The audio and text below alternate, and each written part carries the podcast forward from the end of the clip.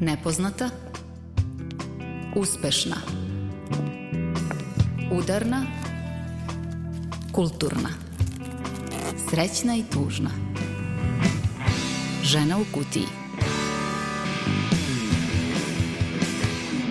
Ovo je Žena u kutiji, emisija koja iznova informiše o fenomenu rodno zasnovanog nasilja, ukazuje na mizoginiju i seksizam, osuđuje svako nasilje u društvu i šalje poruku nisi sama. Dobar dan, ja sam Tamara Srijemac. Moja koleginica ko autorka emisije, volim da je spomenem, Milica Kravićak Samit i dalje je opravdano odsutna. Čućemo je u drugom delu emisije, ali da krenemo sada od početka. Koje teme su u fokusu današnje Žene u kutiji?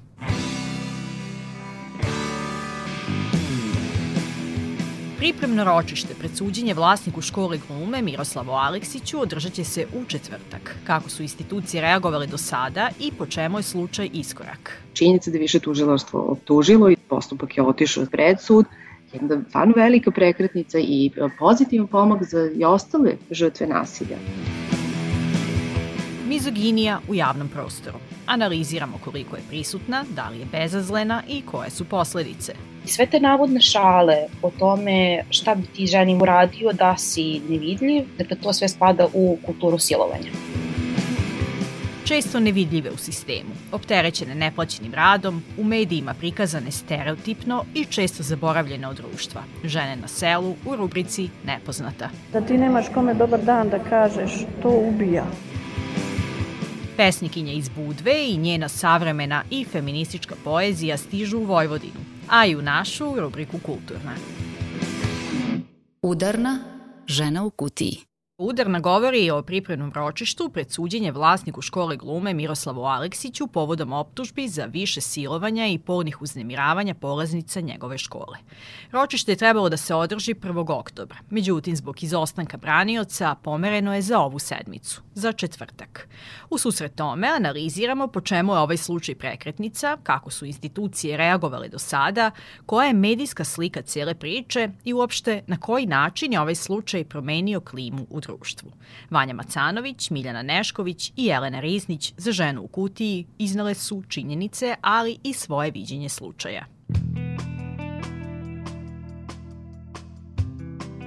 Na pripremnom ročištu u četvrtak Aleksić će se kratko izjasniti o tome da li je kriv povodom optužbi za koje se tereti, a potom će se utvrditi koja će se dokazi izvoditi tokom suđenja. Ročište je zatvoreno za javnost. Prema zakoniku o krivičnom postupku, u slučajevima kada postoji posebna ranjivost žrtve ili slučaj utiče na intimu ličnosti, praksa je da u sudskom postupku javnost bude isključena. To nije novina, samo se sada o tome mnogo češće govori, kaže Vanja Macanović, pravnica u Autonomnom ženskom centru i objašnjava zašto je takva praksa važna. Pošto se e, radi o takvom delu u kome neko treba da priča o svom najlošijem seksualnom iskustvu. Treba nekome da ispričate o najgorem seksualnom iskustvu koje vam se u životu desilo, a da ispričate samo i, i prijateljici, pa bi vam bilo neprijatno. A zamislite da to sad treba da pričate jedne ogromne prostorije u jednoj sudnici, znači da tu imate troje sudije, imate tužioca, imate branioca, imate tog, nažalost, i osumnjičenog ukoliko ne bude udaljen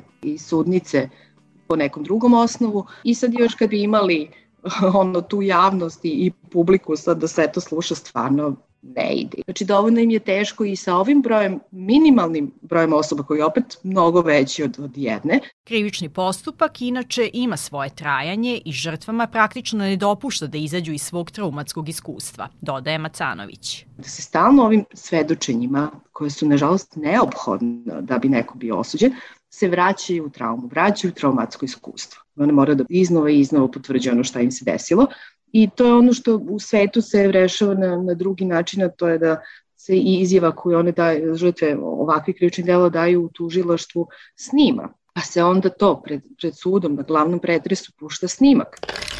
Onda žrtva samo odgovara na, na dodatne pitanje, ne mora iznova da ponavlja ceo iskaz. Mi još nismo dostigli taj, nažalost, nivo kada je u pitanju zaštita žrtava. Neki nivoji nisu dostignuti, ali slučaj Aleksić pokazuje da neke promene jesu moguće. I zato ovaj slučaj Vanja Macanović ocenjuje kao prekretnicu. To je prvi slučaj u kojem je neko optužen za silovanje i druga dela seksualnog nasilja, a da prijava nije učinjena odmah, nego tek nakon nekog vremenskog perioda. Takvi slučaji kada su bili prijavljivani bili su odbačivane krivične prijave, govorilo se o tome da tu nema dovoljno dokaza, da je protekao jako veliki vremenski period. Tužilaštvo nije telo da goni ako nije postala medicinska dokumentacija i žrtve odmah nakon silovanja nisu išle na pregled ginekološki, ali koja opet mora da naloži, uradi u toku postupka, znači ne one same bilo gde, nego tačno po proceduri. I tada čak je moglo da se desi da nema ovaj, dovoljno dokaza, ali nikada nismo imali u praksi to da je prihvaćeno da se goni slučaj iako nije rađen znači taj ovaj ginekološki pregled i da su prihvaćeni veštačenje veštaka koji su ustanovili da žrtve silovanja i seksualnog nasilja u ovom slučaju imaju ozbiljne psihološke posledice. Da su dugo vremena nakon što im se to desilo, znači obraćale se terapeutima, išle na razne terapije. Tako da činjenica da više tužilaštvo optužilo i postupak je otišao pred sud, jedna stvarno velika prekretnica i pozitivan pomak za i ostale žrtve nasilja.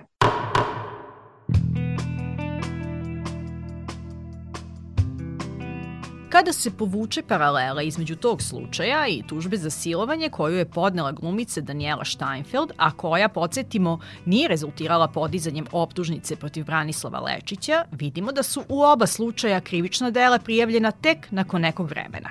Vanja Macanović objašnjava razliku. Jeste to da ovde imamo više žrtava koje ponavljaju isti način vršenja ovog krivičnog dela. Došlo je to ozbiljne zloupotrebe poverenja, te zloupotrebe moći, odnos autoriteta koji je Mika Aleksić ima u odnosu na, na svoje učenice, tako da to je dovelo do toga da ovde dođe ipak do optuženja, zato što pokazuje jedan, e, kako da kažem, modalitet ustupanja onoga koji je sumnjičen za ovo krivično delo.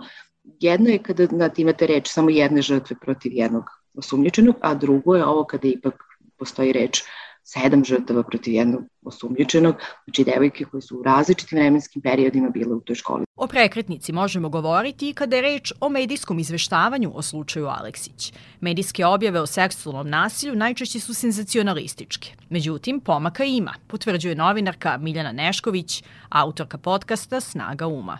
Ja mislim da mi živimo u jednom trenutku medijskom uh, u kom se svi zajedno trudimo da se senzacionalizam uh, u izveštavanju o rodno zasnovanom nasilju uh, i odstupanje od etike i sve ono što je loše prevaziđu. Oni se nikada ne mogu zaista do kraja pobediti, ali idemo ka tome da se prevazilaze, idemo ka tome da, da već postoji jedna kritična masa koja će javno osuditi kršenje etike, zlonamerne tekstove, tekstove koji su usmereni protiv žrtava, tekstovi koji osnažuju nasilnike i tako dalje. Mi imamo još mnogo, mnogo posla, ali je činjenica da se novinari i novinarki po tom pitanju bude. Uz buđenje novinara i novinarki imamo i proces pokušaja njihovog učutkivanja. Tako su naše sagovornice doživele tužbu za povredu ugleda koju je lično Miroslav Aleksić podneo protiv novinarke Ivane Mastilović-Jasnić koja je celu priču o dešavanjima u školi glume i pokrenula u medijima. On nju tuži što je postavljala pitanje, on nju tuži što je dala glas žrtvi. Povodom jednog problema sistemskog. On je neko ko ima novca, on je neko ko ima uticaja, on može da angažuje puno advokata i onda može u ovoj sada kao, ok, ovo mi se desilo, ali sad kad je izašao, sad pokreće sve postupke protiv svih. To sad opet šalje poruku svima koji su podržavajući prema žrtvama, budite podržavajući, ali ovo vam sledi. Podržavajuće je i Jelena Riznić, sociološkinja, aktivistkinja i članica kolektiva Ženska solidarnost. Ona je i sama dobila pretnju tužbom kada je nedavno javno skrenula pažnju na mizoginiju u emisiji na radiju TDI.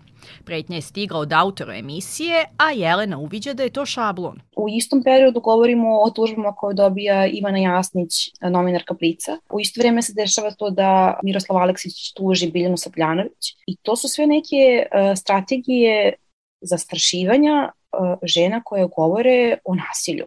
Dakle, vi onda prebacujete odgovornost i prebacujete lopticu na žene koje su progovorile o nasilju. Ovakva praksa aktivistkinjama AŽC-a odavno je poznata. Vanja Macanović podsjeća na to da žrtvama koje prijavljuju silovanje gotovo uvek počinilac preti da će ih tužiti za lažno prijavljivanje. To je sastavni deo pretnje žrtvama. Sada se otišlo korak dalje, pa tužbe dobijaju novinarki i osobe koje javno šalju podršku. Iako to jeste pokušaj da se utiče na pisanje o ovakvim problemima, novinarka Miljana Nešković smatra da su pomaci u medijima napravljeni i teško da možemo nazad. Činjenica je da je ta intervju u Blicu i ta priča koju radila Ivana Masilović-Jasnić, isto kao i priča koju radila sa Marijom Lukić, e, napravila veliki pomak u našem društvu, pokrenula jedan javni govor o seksualnom nasilju uh, u javnosti na način koji je ipak i dobar. Bilo je tu dosta loših komentara, dosta, dosta svega, ali moj neki su, subjektivan utisak bio da se tokom tih šest meseci kada smo imali te velike priče e, znatno podigao nivo razumevanja prema ovom problemu, razumevanja prema e, seksualnom nasilju koje ne dolazi samo od nekih ono nepoznatih takozvanih manijaka, nego iz primarnog okruženja, da je zaista bilo dosta javno reči o onome šta je značajno na tu temu.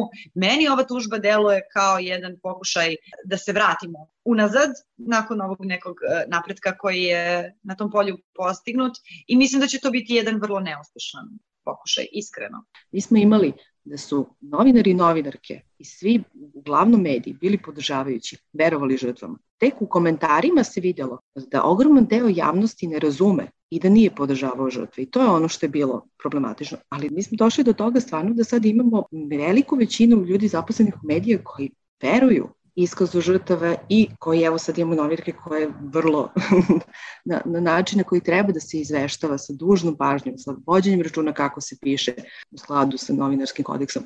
Ali onda vi vidite znači da nije ta osveta jel te, ovog sada, ovaj optuženog, e, ne ide na ostale medije koji su pisali kako ne treba i svašta nešto ne vide na, na tu novinarku koja je prva iznala priču onako kako treba i koja je bila u stvari ta prva podrška.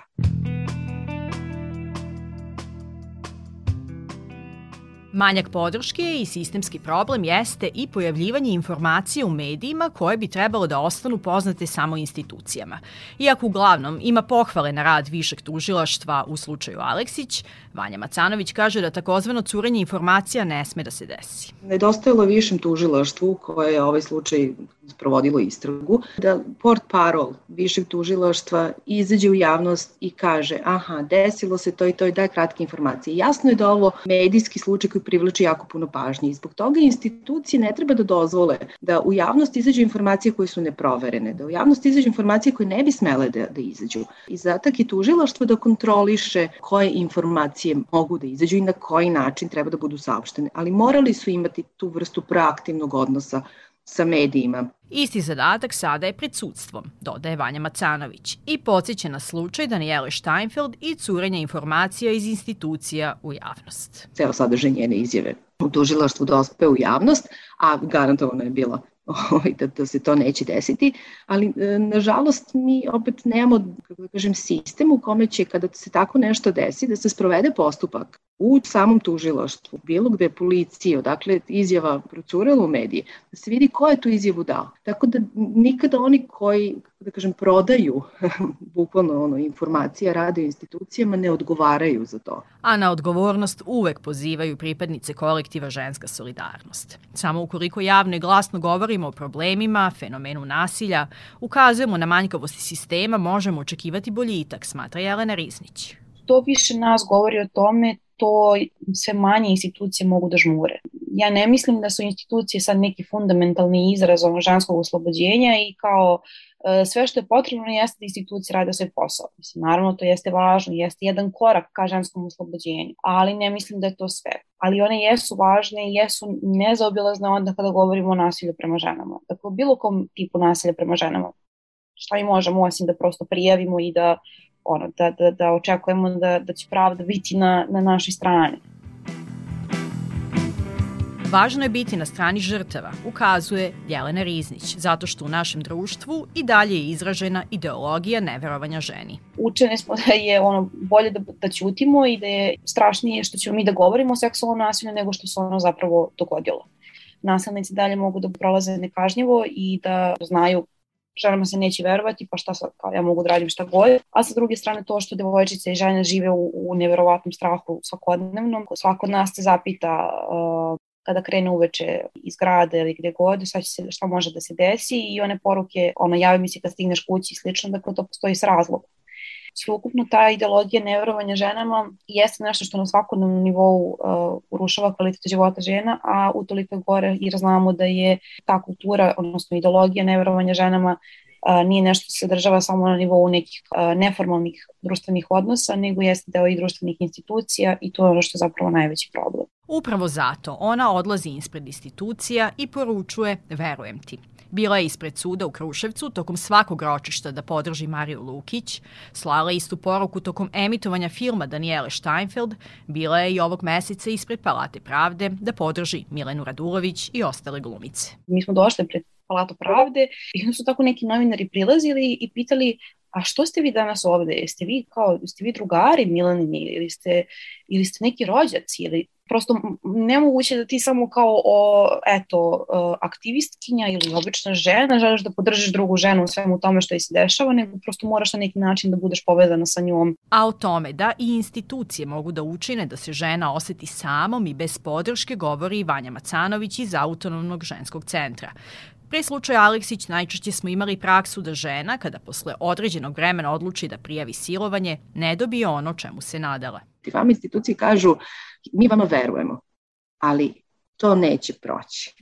Kao da im se svali novi osjećaj krivice, zašto nisu prijavile na vreme. Jer da su prijavili na vreme, to bi bilo procesuirano, ali pošto nisu prijavili na vreme, onda to ne može biti procesuirano. E sad, na ovom slučaju ćemo da li nešto što nije bilo prijavljeno, onda kada se desilo, nego sa određenom vremenskom distancom može biti procesuirano. Osuđivački narativ i kreiranje atmosfere u kojoj se ne veruje žrtvi neguju tabloidi. To objašnjava novinarka Miljana Nešković jer sve te stvari, sve te floskule, zašto se nije javila ranije i tako dalje, to su sve ti neki nasilnički narativi koje možemo da vidimo na društvenim mrežama, možemo da vidimo uh, u tabloidima, ali to je ono što žene mogu da čuju i u kućama, E, I to je jedan model zastrašivanja koji je naučen, koji je, da kažem, šablonski. Vi imate e, novinare, e, urednike tabloida, nekakve javne ličnosti, čak i poslanike u Narodnoj skupštini koji izgovaraju iste te rečenice koje po kućama izgovaraju nasilnici kada hoće da e, zastraše žrtvu jedini pravi odgovor na to, jedini protiv otrov za, za nešto što je toliko problematično i toliko štetno, jeste ta poruka da nisi sama. To je mnogo, mnogo važna poruka, jer svaki nasilnik teži tome da se ona zauvek osjeća samom i da je učini samom. A tome su doprineli upravo glasovi Marije Lukić, Daniele Steinfeld, Milene Radulović, Ive Ilinčić, devojaka iz Petnice. Sada češće i glasnije čujemo poruku nisi sama i zid ćutanja je probijen. Jelena Riznić smatra da je ova godina zbog toga istorijska i da su promenjene stvari u odnosu na period kada se u javnosti tek otvorio slučaj Marije Lukić. Ova godina je prosto srušila sve granice jer ne samo da su progovorile žene za koje možemo da kažemo da su nekoj uh, većoj poziciji moći, ne u odnosu na muškarce, nego prosto u odnosu na te obične žene, da tako kažem, dakle glumice, a, ali su progovorile i devojčice iz Petnice i što je najvažnije od svega, dakle ako se setimo, one jako, jako značajne grupe e, nisam tražila. Čini mi se da je to, e, da je ova godina u stvari pokazala da je nasilje nešto što nije rezervisano samo ono za mračne ulice, nekako je došlo do demistifikacije nasilja, nego nasilje se dešava svuda rezervisano je i za uh, učionice, i za naučne centre, i za porodični dom, apsolutno svuda. I zaista osjećam nekako u vazduhu drugačiju energiju, kažem, u odnosu na tu 2019. kada se dešavalo sve sa Marijom Lukić. Tako da zid ćutnje nepovratno probijen, uh, pri čemu ni do sad kao žene nisu čutale, nego su bilo čutkivane. I novinarka Miljana Nešković kaže da je evidentno da se menja klima u društvu, pa čak i u tome kako se izveštava o ovoj temi generacija novinara i novinarki koji su danas aktualni će imati mnogo loših stvari koje će ostaviti iza sebe medijski gledano, ali možda bi to moglo da bude jedna dobra zaoštaština ove naše generacije.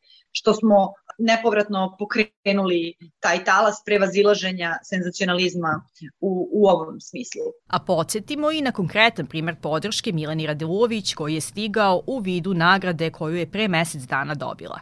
Nagradu Osvajanje slobode ženama dodeljuje fond Maja Maršićević-Tasić za njihov doprinos promociji ljudskih prava, pravne države, demokratije i tolerancije.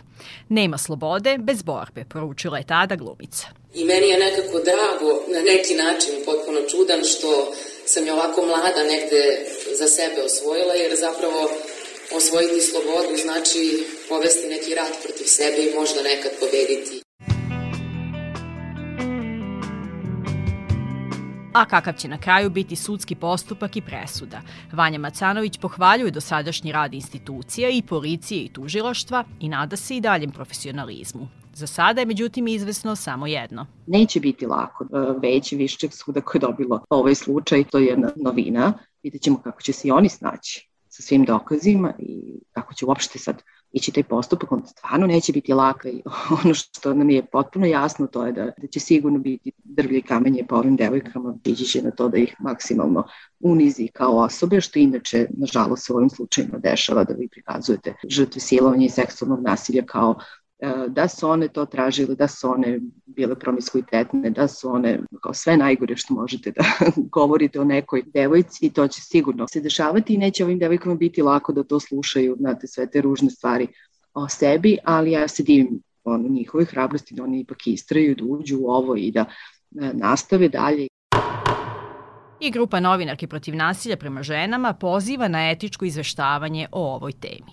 A Jelena Riznić priprema transparenti za četvrtak na kojem piše Verujemo Mileni Radulović. Kada kažeš verujem ženama, verujem Mileni Radulović, verujem Danijeli Steinfeld i stvaraš atmosferu u kojoj devojčice i žene mogu slobodno da govore. Znaju da će uvek postojati neko ko će im verovati. Taj neko možda neće biti njihovi najbliži prijatelji, e, roditelji, porodice i slično, ali da postoji ta neka skupina koja možda jeste mala u odnosu na sve ostale, u odnosu na celokupno društvo, ali ja ne bih značaj umanjivala, e, ne samo zato što sam ja deo svega toga, nego zato što zaista znam da na kraju krajeva i meni kao nekome ko doživa nasilje, meni jeste značilo da znam da prosto postoji ta neka grupa e, žena koja će mi verovati i to je nešto zbog čega sam ja progovorila. Toga je važno um, da, da uvek podršku uputimo glasno i da je uvek uputimo nedvosmisleno, jer ja sam ubeđena danas da,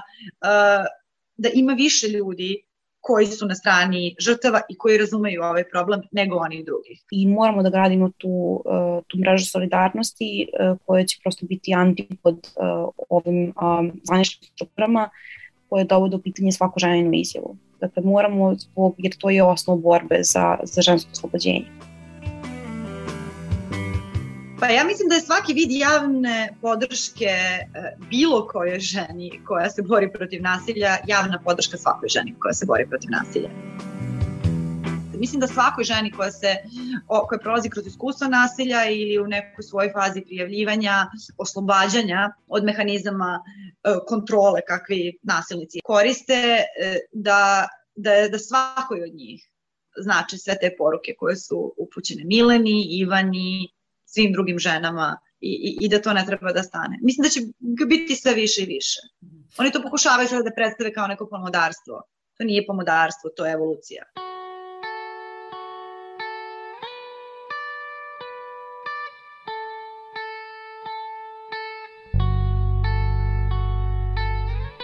U nastavku Žene u kutiji Govorimo o mizogini u medijskim sadržajima, o seksizmu, neprimerenim šalama državnih funkcionera. Slušat ćemo i dalje stavove i činjenice koje iznosi sociološkinja Jelena Riznić i novinarka Miljana Nešković, žene koje zaista pomeraju stvari. Pre toga slušamo Autopark i pesmu sa istom porukom. Mi pomeramo stvari. Nekim redom svi dani,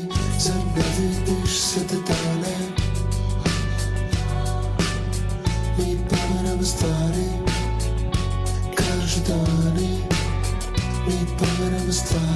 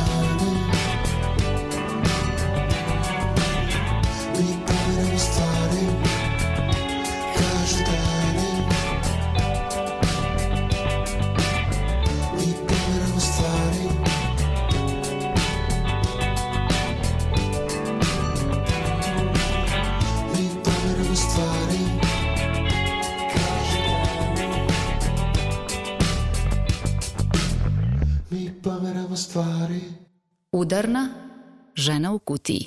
O poslednjem slučaju mizoginije u javnom medijskom prostoru koji je odjeknuo na društvenim mrežama govorimo u Ženi u kutiji. Zabavni, relaksirajući medijski sadržaji često nisu predmet analize u kontekstu novinarske etike.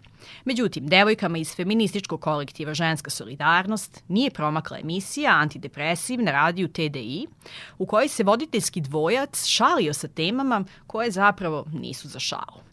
Šta biste uradili da ste nevidljivi? To je pitanje koje su postavili, a zatim su čitali komentare slušalaca. U etru smo dobili mizoginiju, seksizam i relativizovanje silovanja. a to je ovo, dakle, uh, kad oni kažu uh, bravo, bravo, brate, kao eto, vidiš kako može, a ti kažeš ne može, vidiš da ne boli.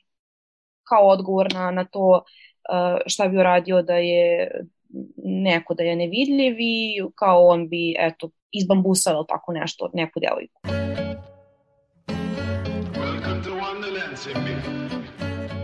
Sve to kultura silovanja, dodaje Jelena Riznić, feministička aktivistkinja. kada mi govorimo o kulturi silovanja, muškarac prevrću očima. I kažu, ma šta vi to sad, šta znači to kultura silovanja, pa ja nikad ne bih, pa ja ovo, pa ja, znači ne. Prosto nijedna e, feministkinja ne, ne kaže da je svaki muškarac nasilnik, ali ono što mi kažemo jeste da postoji čitav sistem uh, u kom su određene stvari normalizovane. I sve te navodne šale o tome uh, šta bi ti ženi mogu, uradio da si nevidljiv, e, e, kako bi ona reagovala, pa se malo smejemo tome, pa to sve kao provlačimo kao humor, pa onda napadamo osobe koje e, na to ukazuju e, i kažemo da su one da nisu dobro shvatile, da je to sve humor, da one nisu prosto duhovite i slično, dakle to sve spada u kulturu silovanja. A tu navodnu duhovitost u emisiji Antidepresiv, njih tri, aktivistkinje i članice kolektiva Ženska solidarnost, analizirale su detaljnije. Nasumično su birale emisije od 2014. godine do danas i u svakoj naišle na isti obrazac, isti narativ, a citate iz emisije objavile javno. Mi smo prosto odlučile da pokažemo da mizoginija nikada nije stvar incidentnosti, nego stvar pravilnosti. Upućujemo vas na stranicu Ženska solidarnost na društvenim mrežama gde i možete pročitati ovu analizu, a za ženu u kuti Jelena Riznić ukratko objašnjava zašto su šale koje su se našle u emisiji pogrešne. Poput one ja samo raširim noge i svi učute, ili Vesna nije tesna, svi bi Vesnu da tresnu, ili ja sam boginja, svi su me preležali. I sad zamislite tu situaciju u kojoj recimo devojčica ili žena doživi seksualno nasilje i onda čuje u toj nekoj popularnoj radijskoj emisiji kako se prave šale na taj račun. A meni tu ništa nije smiješno. Mislim, ja, ja ne znam kako ikome to može da bude smiješno, ali to je zapravo bio naš cilj, da ukažemo na to da svi ti narativi pripadaju kulturi silovanja i da je to nedopustivo ponašanje. Ne zato što smo mi neka moralna policija, nego zato što naprosto svi imamo odgovornost za sve ono što govorimo u javnoj sferi. Jelena Riznić je, da podsjetimo još jednom, dobila pretnju tužbom od voditelja zbog iznošenja ovih stvari u javnost. A da li je neka od nadležnih institucija reagovala na ceo ovaj slučaj i šta bi bilo rešenje da se smanji taj mizogeni narativ u javnom prostoru, govore Jelena Riznić i novinarka Miljana Nešković. Naravno, mislim da treba da odreaguje, recimo poverenica za zaštitu ravnopravnosti. Mislim da treba neko da odreaguje javno, ali još više mislim da promene dolaze uvek sa margine i dolaze ne u principu neke packe i kazne, kažnjavamo te zato što si rekao to, nego mislim uvek da je obrazovanje, a u ovom slučaju to je feminističko obrazovanje, zašto je to sve važno, zašto je to sve, zašto su narativi strašni, mislim da je mnogo učinkovitije. Mislim da je ključna stvar e, reakcija javnosti, jer niko kao javnost ne može da sankcioniše loše medije. I niko ne može da bude tako efikasan i niko ne može njih do te mere da prevaspita kao što to mogu i treba da urade njihovi slušalci. Mogli smo samo da eto, okačimo transkripte tih emisija i da kažemo evo vidite. Ne, dakle nama je bio cilj da prosto objavimo tekst u kom ćemo da objasnimo zašto to sve loše i kakva to implikacija može da ima. Dakle, edukacija javnosti da kaže ovo je đubre, da pošalje pismo uredništvu, da njih 150.000 pošalju pismo televizijskoj stanici koja je emitovala program koji je ispod svakog nivoa i koji ne poštuje jednu ženu, samim tim ne poštuje ni jednu ženu, na primer. Mislim da su to mnogo, mnogo jači, mnogo jači uticaj i mnogo važniji i da na taj način e, ne samo što možemo da korigujemo medije, već i oni postaju naša slika, ali i edukujemo jedni drugi i šaljemo tu poruku da neke stvari ne mogu. Ne znam koji je raspon ljudi koji čita stvari koje mi objavimo. Ja se sve nekako nadam da mi uspevamo nekako da izađemo iz tog našeg aktivističkog babla, barem kroz te društvene mreže, Twitter, Instagram i slično. Ali se nadam da je svako ko je naišao na, na te stvari, na prosto citate koje smo mi izlačili um, iz njihovih emisija, da se barem malo zamislio i rekao, čak i da nije potpuno na, na, na našoj liniji i naših ono, razmišljanja, da se bare malo zamislio i rekao, pa da, ima, ima smisla da se ovo ne govori u javnoj sferi. Jer, izvini, molim te prijatelju, ja sam slušateljka, ja sam gledateljka, ja sam tvoja čitateljka, ti se meni obraćaš time, to je nepoštovanje. I ja neću da ćutim na to nepoštovanje. I mislim da je mnogo, mnogo važnije da se mi e, svi kao konzumenti tih javnih sadržaja osnažimo, da na taj način reagujemo i da osvestimo svoju moć. Niko nema veću moć od gledalaca i slušalaca. Problem je u tome što je mizoginija u javnom diskursu normalizovana, objašnjava Riznić. Osim u medijima, ona je prisutna za skupštinskom govornicom, a seksističke izjave nisu strane ni najvišim državnim funkcionerima. Poslednja izjava koju feminiskinje tumače kao loš i neprimeren humor stigla od predsednika Aleksandra Vučića, u kojoj je prilikom posete hollywoodskoj glumca Johnny'a Deppa Srbiji predsednik komentarisao žene iz njegovog kabineta koje su se, kako je rekao, sredile zbog njega, a ne zbog glumca. To su sve povezane stvari. I to je neko vrzino kolo, čini mi se, dakle, da vi imate te poruke koje dolaze sa državnog vrha, koje su ili u vidu šala, navodnih, žene se udešavaju zbog mene, ne zbog glumca, he he, do onoga što govori često uh, Ratko Dmitrović o tome šta žena treba ili ne treba da rade, koliko deca treba ili ne treba da rađaju i slično. To sve onda daje vetar u leđa uh, onim sitnim ribama, da tako kažem, kao što su vojitelji, Teddy Radi i mnogi drugi ljudi. Moramo uvek da reagujemo u svakom trenutku na, na te stvari.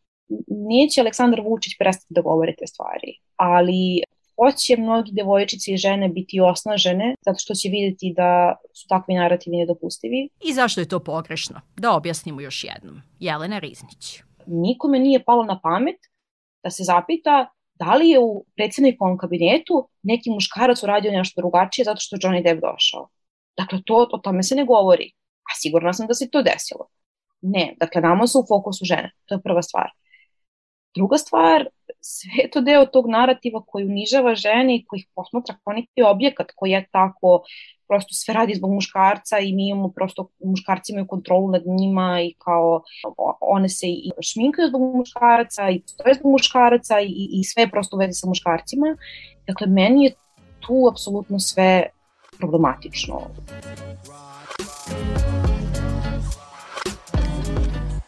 Nepoznata žena u kutiji. O ženama na selu govori rubrika Nepoznata. Iako su pretežno angažovane u poljoprivrednim gazdinstvima, žene su vlasnice tih gazdinstava u svega 27% slučajeva. Često su nevidljive u sistemu, opterećene neplaćenim radom, u medijima prikazane stereotipno u svojim tradicionalnim ulogama i često zaboravljene od društva. Žena u kutiji im rado daje glas. Povodom 15. oktobra Međunarodnog dana seoskih žena, Ilijana Berber je proverila kako žene na selu ocenjuju svoj položaj. Jer e, seoska žena je ključ.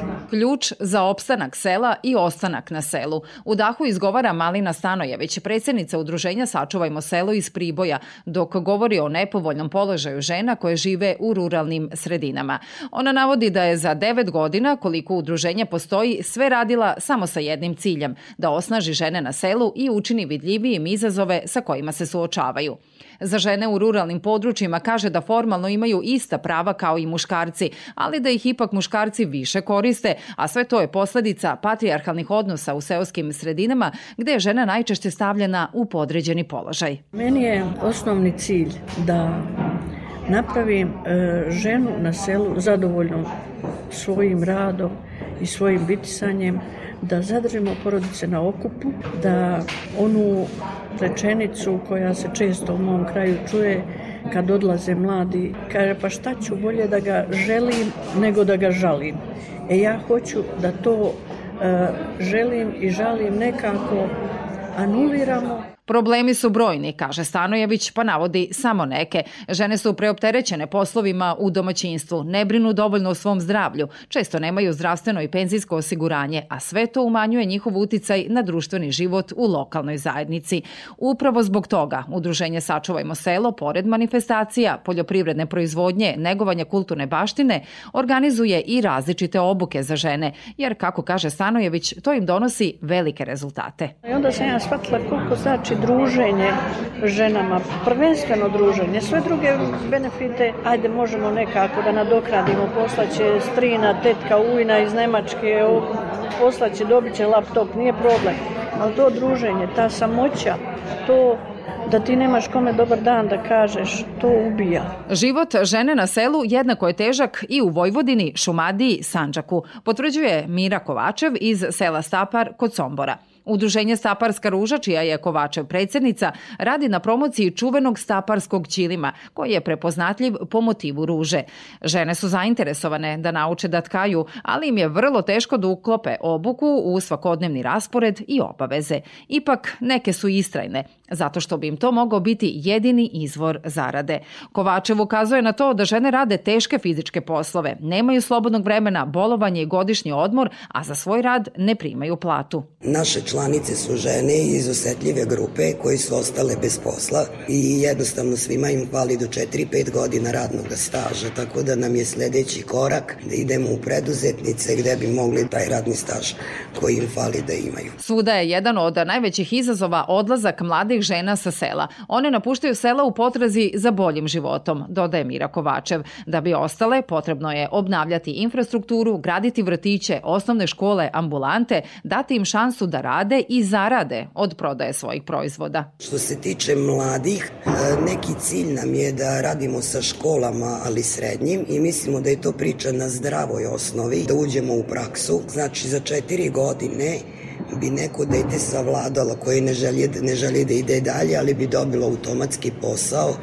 znači u našoj radionici mogo bi da se bavi proizvodnjom ćilima. Upravo to, kao veliku šansu za ostanak mladih žena u seoskim sredinama, vidi i Stanislava Malić-Gostović, direktorka Zavoda za ravnopravnost polova. Ili da im se ostavi mogućnost da u prvo vreme ne izaberu selo kao mesto svog stalnog boravka, ali da imaju mogućnost da sarađuju kroz neke, dakle, mentorstva, da spojimo iskustva s jedne strane koje nepobitno te žene sa sela imaju, a zapravo entuzijazam ovih mladi i potrebu za zaposlenjem učeći, rećemo, stare rukotvorine, tako što će iz grada organizovano dolaziti na radionice koje će ovaj, seoske žene da im priredi. Da bi život žena na selu bio bolji, lakši i zašto da ne, i srećniji, one pre svega moraju da se obrazuju, informišu, da imaju lakši pristup finansijskim sredstvima i da se ekonomski osnaže. Uz njihovu dobru volju prvi uslov je ispunjen. Sa druge strane, očekuju se ključni koraci nadležnih institucija institucija. Rezultati su merljivi, poručuju one. Čekamo rezultate i nove inspirativne priče žena od kojih zaista svi možemo da učimo. A u nastavku Žena u kutiji čućete i Milicu i savremenu feminističku poeziju, ali pre toga slušamo Svemirka i njegovu slučajnu cestu. Sinoć sam popio posljednje pivo, šutio riječi sad mi je krivo. Na zadnjem metru jedne slučajne ceste moje usne su sef, a ovo rado bi rekle. Ej, mala, sve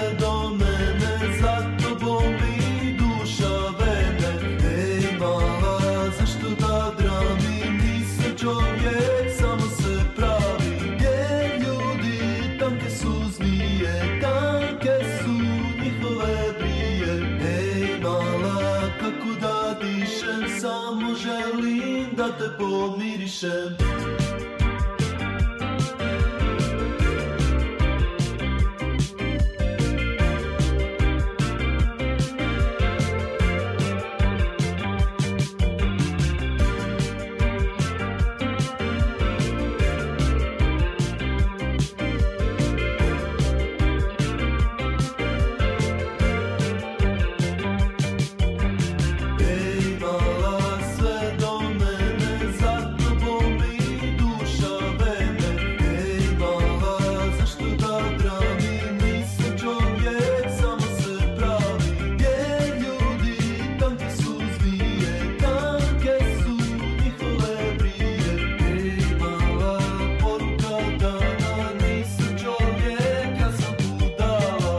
Kulturna.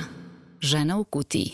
U kulturnoj rubrici Milica vas upoznaje sa pesnikinjom iz Budve, koja je ekscentrična, direktna, savremena britka i baš kako volimo, beži iz svih šablona. Nju ovih poslednjih dana oktobra i prvih novembra možete lako videti i čuti kako kazuje svoju savremenu i feminističku poeziju u Vojvodini, a baš večeras je pred zrenjaninskom publikom. Katarina Sarić je pesnikinja iz Crne Gore koja je baš evo tokom ovih dana krajem oktobra i početkom novembra na turneji sa svojom zbirkom poezije i to kod nas. Ona je baš i otvorila Novosadski festival knjige proteklog meseca. Katarina je zanimljiva za ženu u kutiji ne samo zbog toga što piše, već i kako prezentuje svoju reč i misao. Ona je aktivistkinja, kako kaže, eko i građanska, ali i performerka i sama u želji da organizuje feministički festival poput nas iz kutije. Dobrodošla Katarina Sarić u našu emisiju. Hvala na pozivu Milice i bolje vas našla. Dobro, mi imamo zapravo gomilu tema za razgovor. Povod je oktobarska revolucija, smrt i uskrsnuće, kako se naziva taj e, zapravo specifičan umetnički podvig. To je scensko čitanje poezije. Evo, mene zanima, pošto je publika u tome u Beogradu već uživala, čeka tek Zrenjaninska, Pančevačka, publika u Vrbasu, Mitrovici i Kragujevcu, pa da čujemo malo kako je proteklo, emocija mnogo, često si u Srbiji, pa je meni to zanimljivo. Tako je, ja zapravo i provodim život na toj relaciji Budva Beograd i u Jugoslaviji smo bili gradovi prijatelji, to je nekako da kažem dio jedan, eh, jedan lijep dio tradicije koji volim da zadržim, e, jer eh, inače i sama bivšujem tako da kažem razapeta između jednog prošlog utopijskog vremena e, i nekog budućeg za kojeg se ja tek spremam, koje dolazi, ovaj, a ovo sadašnje e, gledam samo da preskačem, a upravo ovaj, e, ga preskačem na način e, na koji kroz umjetnost e, e, izbacujemo kao neki ventil e, svu tjeskobu u egzistenciji u kojoj boravimo već 30 godina e, manje više to je sve ovaj jedno te isto ovaj okruženje kako političko tako i socijalno tako i kulturno ali ja sam borac e, na nekoliko frontova kao što si me predstavilo u najavi dakle i kao građanska aktivistkinja i eko aktivistkinja i prije svega performans umjetnica koja je nekako žanrovski nesmjestiva. Ja pišem i poeziju koja je ujedno i drama, koja je ujedno roman u pismima i neka epistolarna književnost i e, jednostavno ovaj, kritičari imaju problem da me smjeste što mi vrlo godi jer uh, smatram da ako se neko žanrovski, definicijski uh, može vrlo lako da ukalupi, da to zapravo i nije pravi umjetnik. Uh, jer neko subverzivno kršenje norme, naravno ako se prethodno norma poznaje, je nešto što je meni vrlo blisko u radu i otprilike tako ovaj Getmanski kako bi često Miloš rekao, ovaj, i živim i djelujem, e, proučim sistem, onda pronalazim rupe u njemu, da se kroz te rupe onako provlačim kao ove vaše žene iz kutije e, i razrešavam situaciju, jer ta žena iz kutije me toliko podsjeća na onaj grčko-tragičarski pojam Deus ex machina koji se odjednom pojavljuje tamo iz neke kutije i kao glas koji razrešava situaciju, onaj treći koji je bio na margini, koji je bio neutralan, koji, kojeg nigdje niste mogli da smjestite jer uvijek imate dva tabora, je tako? blokove, zapad, istok, uh, uvijek je tu neka ekskluzivna disjunkcija i onda ja ovaj, volim da kao taj neki sintetički udarac, subverzivni, gerilski, zadam kroz taj svoj e, performans, monodramu, sensko čitanje, kako god ga nazvali. Puno je tu naslova, puno je prevoda zapravo tvojih, tvojih knjiga, ali ajde da samo zastanemo na zbiti poezije Smrt Madame Dupin. Kritika je da, nazvala je poetskim priručnikom za opstajanje žena u divljini zvanoj život. Pa je poenta tu e, da, da smrt nije kraj, već početak?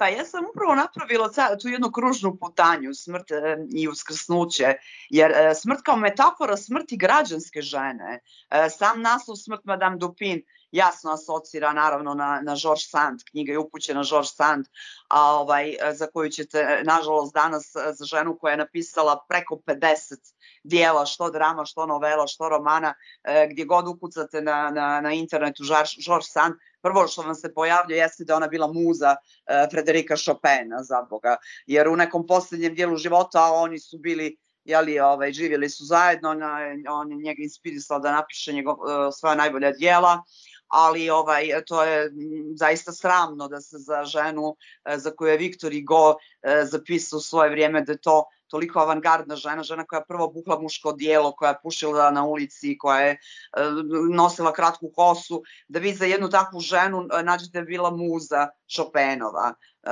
ovaj, vrlo degradirajući to, ne samo ona, pa za Simone de Beauvoir ćete u filozofskim učbenicima naći rečenice da je ona bila pratilja Jean-Paul Sartra, iako je sama napisala mm. dijelo koje je u, u ravni sa, sa svim što, što je Sartre napisao. Koji Sam danas se... čitamo kao potpuno revolucionarno. Pa, pa naravno, Second Sex, taj drugi pol, nje, ta botovna knjiga mm. njena, to je, to je praktično učbenik, jeli, za postajanje ženom, za, međutim, ja se sjećam još na drugoj godini davno, ovaj studija filozofije dok sam završavala. Čudi me da sam ih uopšte završila, su me proglašavali jeretikom na svakoj godini, izbacivali sa katedre nekoliko puta godišnje, ovaj, jer nije u programu. Šta god sam ja htjela da radim, nije, nije ovaj Simone de Beauvoir nije bila u programu, pa Hannah Arendt nije, a Heidegger jeste. Pa uvijek je tu bila neka žena e, koja je bila ovaj, na margini, koja je bila potisnuta, koja je bila u sjenci muškarca, Pa mm -hmm. i, i iz tog nekog mog e, bunta, ličnog bunta, e, jer osim George Sand u smrti Madame Dupin imam čitav niz poema koje su posvećene heroinama svoga mm -hmm. doba, poput Aleksandre Kolon, taj čuvene ruske revolucionarke za koju maltene skoro niko nije ni čuo, o kojoj se ni grob danas ovaj, ne zna, koja ovaj, e, je ono što je Klara Cetkin bila na zapadu, to Aleksandra Kolonta je bila u, u, u, u jednoj Rusiji u kojoj tek se nisu mogli čuti ni muški, a kamoli ženski alternativni glasovi u onom rigidnom ovaj, mm -hmm. komunizmu toga doba. Ne znam ni sama više koje su sve to. To je jedan vrišteći ženski subjekat iz ove knjige E, koji ovaj, e, se tako poklapa sa sa tom vašom emisijom Žena u kući, ono ja se zamišljam kako ja iz te kući izlazim i vrištim, e, jer želim da se čuje o tim ženama. Jer I mi dan, vrištimo danas... stalno, to je da, pojenta. Da, upravo, treba vrištati, treba i, i čak i kad nam kažu da smo agresivne, da smo preuzele muško oružje, to, nije, to, to nije istina. To je mhm. naprosto o, izgoreli fitilj, jer dvije i po hiljade godina na ovom tlu vrši se nasilje nad ženom, nad majkom, nad majkom zemljom, nad planetom. Zato, zato kažem da sam neodvojivo i ekoaktivistkinja, jer silovanje majke zemlje i njene utrobe koje je započelo još od Bekona, od od uh, vač, šta je to drugo, šta, šta znači u mojoj budvi izgraditi solitar na 15 spratova na močvarnom tlu koji se nalazi 15 metara udaljeno od mora. Dakle, vi ste silovali majku zemlju koja vas Ali je- feministički princip jeste ekoprincip, tako da to u tom smislu Upravo, i ne, ne možemo odvojiti. Mo, moram još jedno Jeste. pitanje. Krenuli smo u tu temu, pa mi je zato važno da podcrtamo. Kao magistarka socijalne politike, socijalnog rada i kao feministička aktivistkinja i umetnica, kako u stvari komentarišeš e, tu neku našu žensku realnost? Šta smo uspele, šta nismo u ovoj borbi za ravnopravnost? Naravno da je gomilo tema, ali molila bih te da izvučeš jednu do dva najvažnija goruća pitanje. Da li je to ekološko? Pa vidi, uspjele smo što se tiče tog nekog ekološkog e, pitanja, mislim da smo uspjele, ali e, e, paradoksalno e, na način zato što smo kao žene upravo i dobile određena neka ovaj ministarstva zaštite sredine jer se tu ne vrti nikakav novac. Ali oni vole da kažu da smo mi dobili efemerna mjesta pozicije u ministarstvima zdravlja ili e, ekologije ili zaštite životne sredine, jer za muškarca, nažalost, 20, u 21. vijeku i dalje to efemerna nekakva pozicija, manje bitna. Njemu je ekologija manje bitna. Ali mi smo osvojile već jedan e, prostor, e, tako da nam preostaje da se i u ovim drugim i u kulturama i u ovim drugim sferama e, gdje naravno taj, e, taj prokleti novac bez kojeg se ne može ništa organizovati se pokreće e, i trebalo bi i u tu mašinu nekako da se subverzivno uvučemo da bismo mogle da kažemo da smo osvojile e, bar po nekoliko tih tako da, da, da se političkim rječnikom izrazim mandata a, ali me izuzetno raduje jer vidim da u poslednje dvije, tri godine, što po protestima za koji, e, zaštitu prirodne sredine, pa antifašističkim, e, ponovo je ustao ogroman broj žena u Poljskoj, u Italiji, u, e, u okruženju, ovdje kod nas, kod nas u Crnoj Gori već dvije godine su bili veliki protesti na kojima su toliko snažne žene, milice, ja moram da podijelim sa tobom iskustvo, mi smo se borili zadnje dvije godine najviše protiv izgradnje ovih malih centrala, Hidroelektrana. Centrala Mhm. na rijekama, da su tu e, žene e, znale da legnu ispred bagera. Katarina, meni je žao što moramo da završimo razgovor, ali mi nije žao zato što znam da ćemo se sretati. Prva stanica sasvim sigurno je AFŽ, naš naredne godine. Tamar i ja smo deo Autonomnog festivala žena, ti si takođe u feminističkoj i umetničkoj priči, tako da ćemo se i u Novom Sadu i u Budvi, zašto da ne, sretati i razgovarati, umrežavati, praviti paralele, tako da jedan e, jak ženski i antifašistički pozdrav ovog oktobra 2021. od žena u kutiji. Hvala što si učestvovala. I Otpozdrav drugarici Milici, bilo mi zadovoljstvo i smrt fašizmu. Vidimo se. Slobodan narodu. Pozdrav. Bila je to Katarina Pozdrav. Sarić, Pozdrav. pesnikinja iz Crne Gore. Hvala Milici i Katarini i svima vama koji nas slušate i koji ste deo naše kutije. Hvala i ton majstoru koji je spakovao današnju emisiju, to je kolega Damjan Šaš. U ime žena u kutiji pozdravlja vas Tamara Srijemac. Prijetan dan.